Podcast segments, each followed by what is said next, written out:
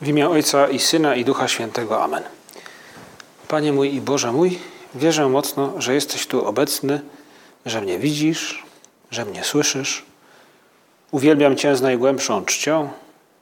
Proszę Cię o przebaczenie moich grzechów i o łaskę owocnego przeżycia tego czasu modlitwy. Matko moja niepokalana, święty Józefie, Ojcze i Panie mój, Aniele stróżu mój, wstawcie się za mną. Na samym początku naszej rozmowy z Panem Jezusem w Przenajświętszym Sakramencie, który nas widzi i który nas słyszy, zwróciliśmy się do, do wszystkich osób składających się na świętą rodzinę, na rodzinę z Nazaretu. Zwróciliśmy się do Pana Jezusa, w którego obecność głęboko wierzymy.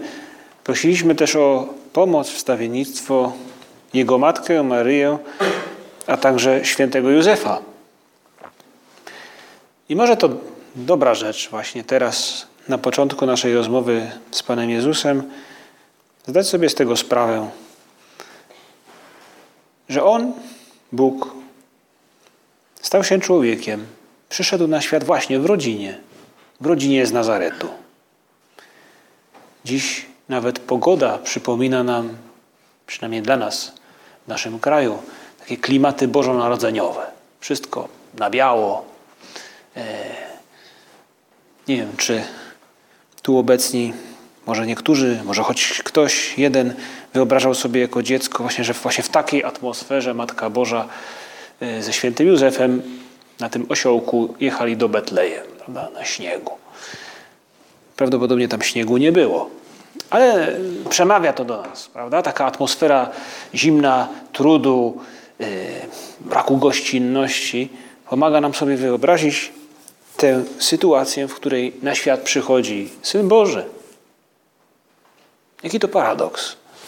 Wszechmocny, który przychodzi na świat na uboczu, gdzieś w niepozornym zakątku Cesarstwa Rzymskiego. A o tym w gruncie rzeczy mówiła nam liturgia przez ostatnie dni i tygodnie okresu Bożego Narodzenia, który zakończył się w niedzielę, w ostatnią niedzielę, w niedzielę Chrztu Pańskiego. I właśnie w tę niedzielę świętowaliśmy, obchodziliśmy to, że to dziecko, ten później chłopak, młody człowiek, Jezus z Nazaretu, ukazuje się już publicznie. Rozpoczyna swoją publiczną działalność. I na tym chcielibyśmy dziś, Panie Jezu, skupić naszą uwagę. Kim Ty jesteś? Gdy w początkowych, pierwszych wersach i rozdziałach Ewangelii Świętego Marka, którą czytamy każdego dnia tego tygodnia na, na mszy świętej, coś robisz, czynisz, mówisz. Kim Ty jesteś? Nie tak dawno, bo jeszcze właśnie w okresie Bożego Narodzenia liturgia i kolendy, wszystko przypominało nam o tym, że Słowo stało się ciałem. Że Bóg przyszedł na ziemię. Że przyszedł na ziemię, aby nam o czymś powiedzieć. I teraz, gdy rozpoczął się jakby ten nowy okres liturgiczny, już taki zwykły, może nas to zaskakiwać, że w gruncie rzeczy liturgia nie mówi nam nic innego. Mówi nam, zobacz, Jezus z Nazaretu jest Twoim Zbawicielem. I czytamy w tych dniach w Kościele w ramach pierwszego czytania na mszy świętej list do hebrajczyków. I posłuchajmy, jak ten list się rozpoczyna. To jest jakby list no, światłego człowieka, chrześcijanina pochodzenia żydowskiego, bliskiego świętemu Pawłowi, związany był z nim, z jego nauczaniem, jest obyty w kulturze greckiej i pisze, przekonując Hebrajczyków, czy osoby pochodzenia hebrajskiego, o wyższości chrześcijaństwa nad Starym Przymierzem. Od czego rozpoczyna swój list? Pisze tak. Wielokrotnie I na różne sposoby przemawiał niegdyś Bóg do ojców naszych przez proroków, a w tych ostatecznych dniach przemówił do nas przez Syna. Przypominają nam się te słowa z prologu świętego Jana, a słowo stało się ciałem. Jakby nam chciał wytłumaczyć autor listu do Hebrajczyków, powiedzieć: Bóg przemawia do nas przez syna. Tym synem jest Jezus Chrystus. Panie Jezu, o czym Ty chcesz nam powiedzieć? Zadajmy sobie to pytanie. Pisze dalej: Bóg przemówił do nas przez syna, Jego to ustanowił dziedzicem wszystkich rzeczy, przez Niego też stworzył wszechświat. Ten syn, który jest odblaskiem Jego chwały i odbiciem Jego istoty, podtrzymuje wszystko słowem swej potęgi. A dokonawszy oczyszczenia z grzechów, zasiadł po prawicy majestatu na wysokościach. O tyle stał się większy od aniołów, o ile odziedziczył dostojniejsze od nich imię. Jasno i wyraźnie autor listu do Hebrajczyków mówi o Bożej mocy, która jest w Chrystusie. To ten, który stworzył wszechświat przez Niego. Bóg Ojciec stwarza wszechświat. Jego to ustanowił dziedzicem wszystkich rzeczy. Ten Syn, który jest odbiciem Jego chwały, odblaskiem Jego chwały. Te słowa w gruncie rzeczy mają na celu wprowadzić nas do tego, o czym za chwilę usłyszymy, o czym mówi święty Marek. Mówi nam list do Hebrajczyków o tym, że Bóg przez Jezusa w sposób widzialny dla nas, dostrzegalny i przez Jego słowa chce nam o czymś powiedzieć. To jest właśnie to słowo, które Bóg posyła do nas. Jezus Chrystus jest tym słowem, jest synem, jest słowem. Bóg przemówił do nas przez syna. Twoja obecność tu na ziemi, Panie Jezu, teraz świętujemy ją już jako właśnie widzialną, namacalną, publiczną po tym święcie chrztu pańskiego, nie tylko taką ukrytą w pokorze betlejemskiej stajenki. Ta Twoja obecność mówi mi o czymś. I święty Marek, gdy relacjonuje nam ten początek działania Chrystusa, najpierw mówi nam o Jego chrzcie, Słyszeliśmy tę Ewangelię w ubiegłą niedzielę, bo to właśnie w tym roku czytaliśmy też wersję, relację świętego Marka, ale później opisuje nam święty Marek to, jak, co Chrystus czyni jak naucza w okolicach Kafarnaum. I każdego dnia tego tygodnia dzieje się w tej historii coś jakby nowego. Słyszeliśmy w poniedziałek o powołaniu pierwszych uczniów. Wczoraj to jest wydarzenie, nad którym zatrzymamy się nieco dłużej. Y, bardzo mocne wydarzenie, bo Chrystus wyrzuca złego ducha, jakby ulecza e, opętanego w synagodze w Kafarnaum. Dziś czytaliśmy tę historię, gdy Chrystus e, jest w domu Piotra, uzdrawia jego teściową i, i później naucza i uzdrawia do późna. E, i kolejnego dnia przychodzą do niego jego uczniowie i mówią mu, bo poszedł się modlić gdzieś wcześniej rano, przychodzą i mówią mu, wszyscy cię szukają. I wtedy Chrystus mówi im, dobrze, ale pójdźmy jeszcze dalej, nie zostawajmy tutaj. I mówi ewangelista, że chodzili, chodził po całej Galilei i głosił w ich synagogach e, Ewangelię o Królestwie. To jest jakby taki skrót tego, co Ewangelia świętego Marka w tym pierwszym rozdziale nam opowiada. I ten pierwszy rozdział to dobry rozdział, żeby samemu przeczytać i zadać sobie to właśnie pytanie. Panie Jezu, co chcesz mi powiedzieć? A może nawet, co chce powiedzieć mi Bóg Ojciec, posyłając takiego swojego Syna, Jezusa Chrystusa, który to robi, to mówi?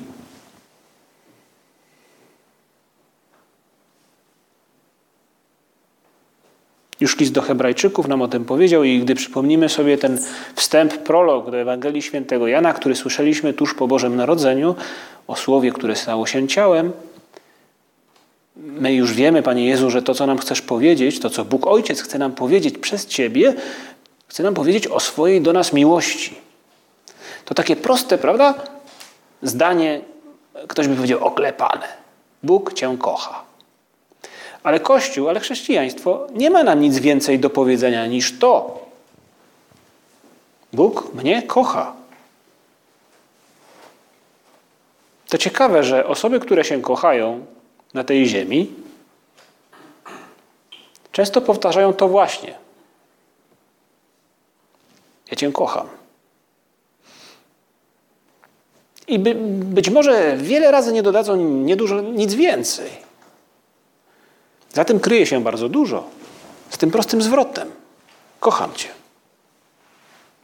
Tam jest czas, tam jest myślenie o kimś, pomysłowość, tam jest współczucie i radość, tam jest zaangażowanie, tam jest wszystko.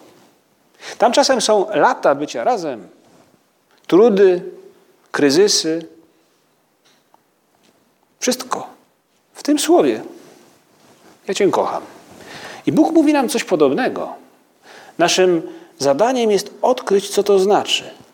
I właśnie po to posyła nam Syna, by, by, byśmy w Jego czynach, w Jego słowach wyczytali, wydedukowali z nich, jak bardzo Bóg nas kocha. I każdy z nas, czytając Ewangelię, może właśnie w tym tygodniu, ten pierwszy rozdział świętego Marka, znajdzie jakiś swój sposób na to, by odkryć, jak Bóg mnie kocha. Tak jak znajdują ten sposób ludzie kochający się czy zakochani, gdy ktoś im mówi, że ich kocha. Jak objawia się moc Chrystusa? Jak objawia się ta miłość Ojca do nas w tym, co Chrystus czyni? Może właśnie skupmy naszą uwagę na tym widowiskowym nawet wydarzeniu, które ma miejsce w synagodze w Kafarnaum. Ewangelista Marek mówi nam o tym, że dzieje się to właśnie w tej miejscowości, która, jak wiemy, zajmowała tak naprawdę niewiele, to niewielki obszar, kilkaset metrów wzdłuż brzegu i, i, i trochę mniej, też kilkaset w głąb lądu.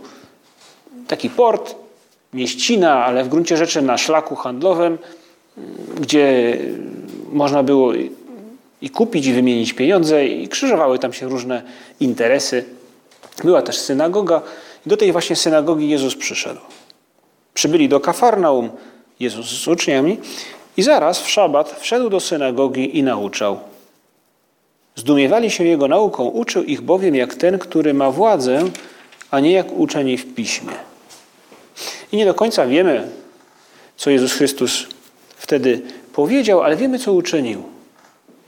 Wtedy pojawia się człowiek opętany przez złego ducha, wykrzykuje: Wiem, kim jesteś, przyszedłeś nas dręczyć. Wiem, kto jesteś, święty Boga. Jezus nakazuje mu milczenie, po czym wyrzuca złego ducha. I ci, którzy przed chwilą mówili, e, on naucza, faktycznie nie naucza tak jak inni nauczyciele. Uczył ich bowiem jak ten, który mam władzę, a nie jak uczeni w piśmie. Oni właśnie zobaczyli potwierdzenie tego, co pomyśleli. Nikt do tej pory czegoś takiego nie uczynił. Co to jest? Nowa jakaś nauka z mocą, mówią. Posłuchajmy, by wyobrazić sobie tę scenę, by ją zobaczyć, aby każdy z nas mógł też mo może odkryć właśnie e, to, co Bóg Ojciec chce do nas powiedzieć przez działanie Jezusa Chrystusa. Posłuchajmy, jak tę scenę opisuje Jan Dobraczyński. W swojej książce Listy do Nikodema w usta faryzeusza o tym właśnie imieniu, człowieka dobrego, uczciwego, poszukującego prawdy, w jego, tak naprawdę w jego listach do przyjaciela, autor wkłada opis uczuć, odkryć kogoś, kto poszukuje prawdy i kto ją odnajduje w osobie Jezusa Chrystusa. Ale to jest dopiero początek jakby relacji, tego śledzenia, chodzenia Nikodema za Jezusem. On jeszcze nie jest przekonany. On na razie bada, patrzy, przygląda się. I opisuje w ten sposób to dramatyczne i widowiskowe wydarzenie. Stąpiwszy nad brzeg jeziora do Kafarnaum, które to miasto ukochał najwięcej, odkąd wypędzono go z Nazaretu, prorok udał się w szabat do synagogi. Gdy Szeliach zakończył psalmy i zwrócił się do zebranych, by wskazali tego, który będzie czytać proroków, Nazarejczyk podniósł rękę, śmiało wystąpił na tę butę. Hatsan podał mu zwój proroków. Miał właśnie odczytać pierwszy werset, gdy nagle w tłumie rozległ się dziki wrzask. To krzyczał opętany. Wielu wyznawców zakonu szatan ma dziś, ma dziś w swojej mocy. Mówią niektórzy doświadczeni soferim, że nigdy nie widziano aż tylu opętańców. Ludzie odsuwali się od człowieka, który miotał się, szarpał na sobie odzież, wył z ustami pełnymi piany. Idź precz, idź, krzyczał. Po co przyszedłeś? Odejdź, chcesz nas zgubić? Znam ciebie, wiem, kto jesteś. Zamilknij, zawołał Jezus. Oczy opętanego stanęły w słup, z ust popłynęła ślina razem z wielkim charkotem. Wyjdź z niego, rozkazał nauczyciel spokojnym głosem. Człowiek zakrzyczał tak strasznie, że przelęknięci ludzie zaczęli wybiegać zbożnicy. Z łoskotem padł na ziemię, twarzą do posadzki, miotały nim drgawki, palce darły kamienne płyty, wił się coraz wolniej. Wreszcie wyprężył się, znieruchomiał. Można było pomyśleć, że nie żyje. W synagodze panowała cisza. Ludzie stali zamarli w trwożnym bezruchu. Leżący dźwignął głowę niespodziewanie. Unosząc się na rękach, utkwił oczy w Nazarejczyku stojącym na tebucie ze zwojem pism w ręku. O Panie!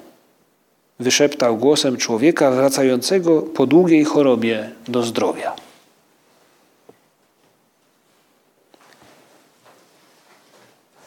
To jest to opis, można powiedzieć, znowelizowanej Ewangelii. Ale jednak opisuje to, co się tam wydarzyło.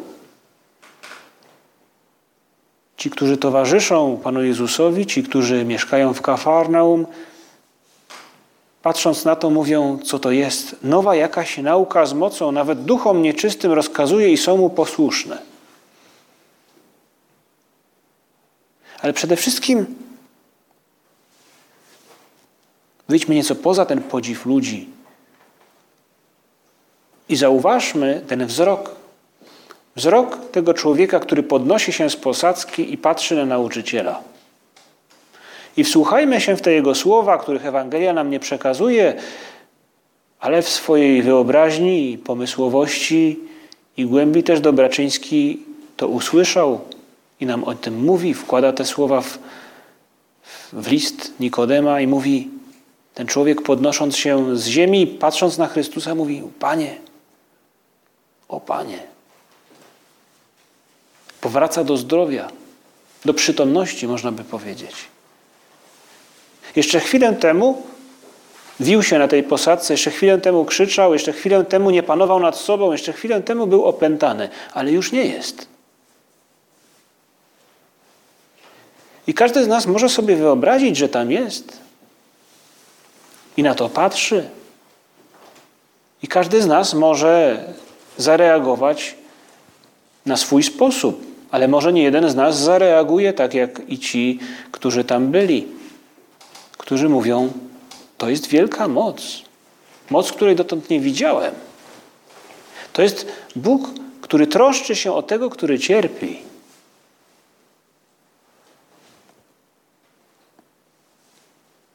Jak dobrze jest nam dziś, w ten wieczór, przypomnieć sobie właśnie o tym, że chrześcijaństwo w gruncie rzeczy nie mówi nam nic innego, jak to, że Bóg nas kocha, że w Jezusie Chrystusie możemy dostrzec miłość Boga do mnie. Tę troskę, tę interwencję Bożą mocą w sytuacji mojej bezradności. To jest prawda, która nas wyzwala. Prawda o miłości Bożej. I dobrze jest na te sceny, które miłość Bożą w Ewangelii nam ukazują, patrzeć i patrzeć i patrzeć. I zachwycać się, zachwycać się i zachwycać. I napawać, i napawać, i napawać. Takie jest chrześcijaństwo. I oczywiście dla nas nie jest to tylko popatrz, zachwyć się, niech cię to wzruszy. Jezus Chrystus czyni to, ale wzywa nas także do tego, by te znaki zmieniły nasz sposób postępowania. Ci, którzy idą za Chrystusem, często zmieniają swoje życie. Niektórzy z nich nawracają się o, o 180 stopni. Można pomyśleć o tych celnikach, nie? Celnik, Zacheusz. On miał sporo za uszami, on miał sporo do zmiany i zmienił. Tak go te słowa i czyny Chrystusa poruszyły. Zwrócił, oddał połowę majątku, zwrócił poczwórnie to, co komuś niesłusznie zarekwirował. I tylu innych. I kobieta, która prowadziła niepoukładane życie, której mówi Jezus Chrystus: idź, ale od tej pory już nie grzesz. I tak dalej, i tak dalej, i tak dalej. Tyle tych osób, które poruszone widokiem i tym, co usłyszały, zdają sobie sprawę, że to jest właśnie Bóg, który do mnie mówi: Ja Cię kocham. Ciebie. O Ciebie się troszczę. Po co przychodzi Jezus Chrystus? Właśnie po to, by pokazać nam, by objawić światu miłość Boga. I z jakiej sytuacji mnie ta miłość Boga wydobywa? Na, na przykład z, z tak dramatycznej, może nie dosłownie tak dramatycznej, ale tak beznadziejnej, jak sytuacja tego opętanego w Kafarnaum. Tak samo zresztą, jak w tej i dzisiejszej Ewangelii słyszymy o tych, którzy przychodzą i potrzebują słuchać Jezusa Chrystusa, i ci chorzy, których przynoszą, a On ich uzdrawia. To jest jakby sytuacja, w której miłość Boża okazuje się ewidentna, to jest ewidentne w tej sytuacji, miłość Boża w osobie Jezusa Chrystusa przynosi zbawienie. I te początkowe wersy Ewangelii Świętego Marka mówią nam o miłości Boga, która ma szansę nas poruszyć, możemy się nią napawać, ale mówi nam też o tym, że to powinno popchnąć nas w jakiś sposób do działania, do przemiany naszego życia, by żyć w zgodzie z tą miłością, by w jakiś sposób Bogu, no nie wiem, czy się zrewanżować, czy się odwdzięczyć, by być godnym tej miłości, by nie by zbezcześcić, by nie przejść obok niej obojętnym. Ale mówi nam też ta Ewangelia o pewnym zadaniu, które Chrystus jakby nie formułuje go w sposób jeszcze e, skończony, jakby zaczyna jedynie je formułować e, o pewnym zadaniu, które kieruje do nas, gdy powołuje swoich uczniów. To jest ten sam początek tego tygodnia, gdy słyszeliśmy to pierwsze jakby wersy tej, tej Ewangelii powołanie uczniów przy sieciach, przy łodziach.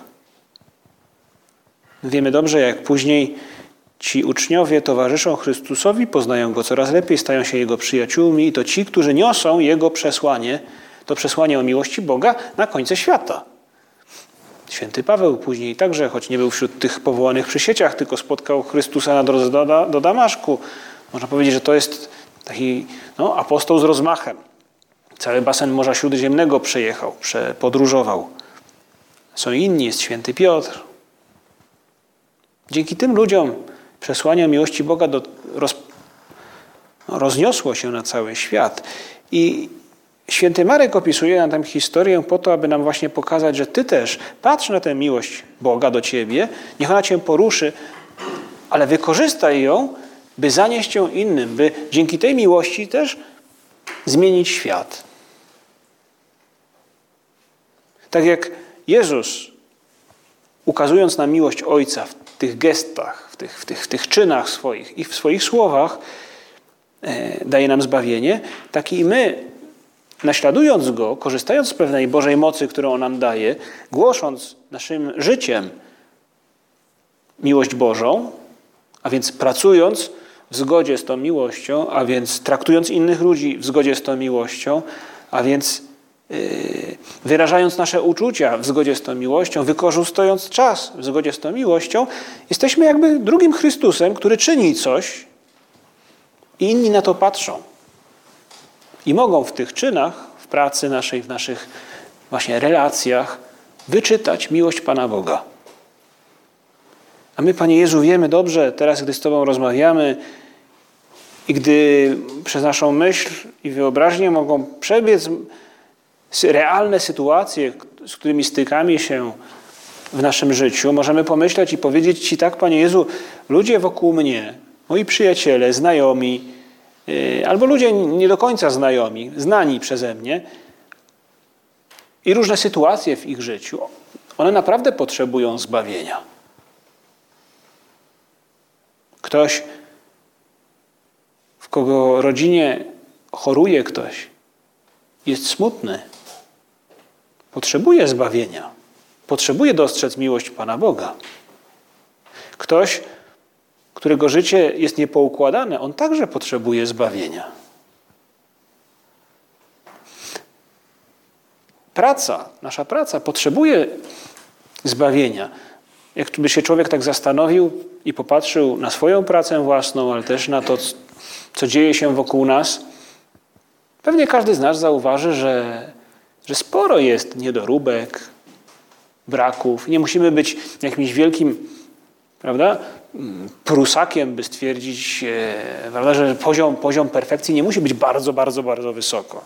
Często jak człowiek spojrzy wokół siebie, na swoją pracę też może powiedzieć, to taka trochę prowizorka.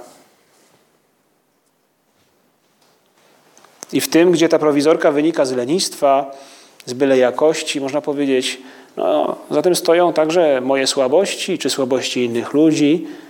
A więc ta praca w pewnym sensie też potrzebuje zbawienia, bo potrzebują je te słabości tych ludzi, którzy tę pracę wykonują. Oszustwa, kłamstwa. Może szczególnie teraz, gdy zbliża się bardzo intensywny okres na uczelni i sesja, można pomyśleć, jak dobrze przeżyć ten czas i uczciwie. A to jest jakaś rzeczywistość, fragment rzeczywistości, który na pewno wymaga zbawienia. I ja mogę to zbawienie w tę rzeczywistość wprowadzić, przeżywając ją z miłością do Boga. A Bóg na to patrzy, a inni spoglądają też na to.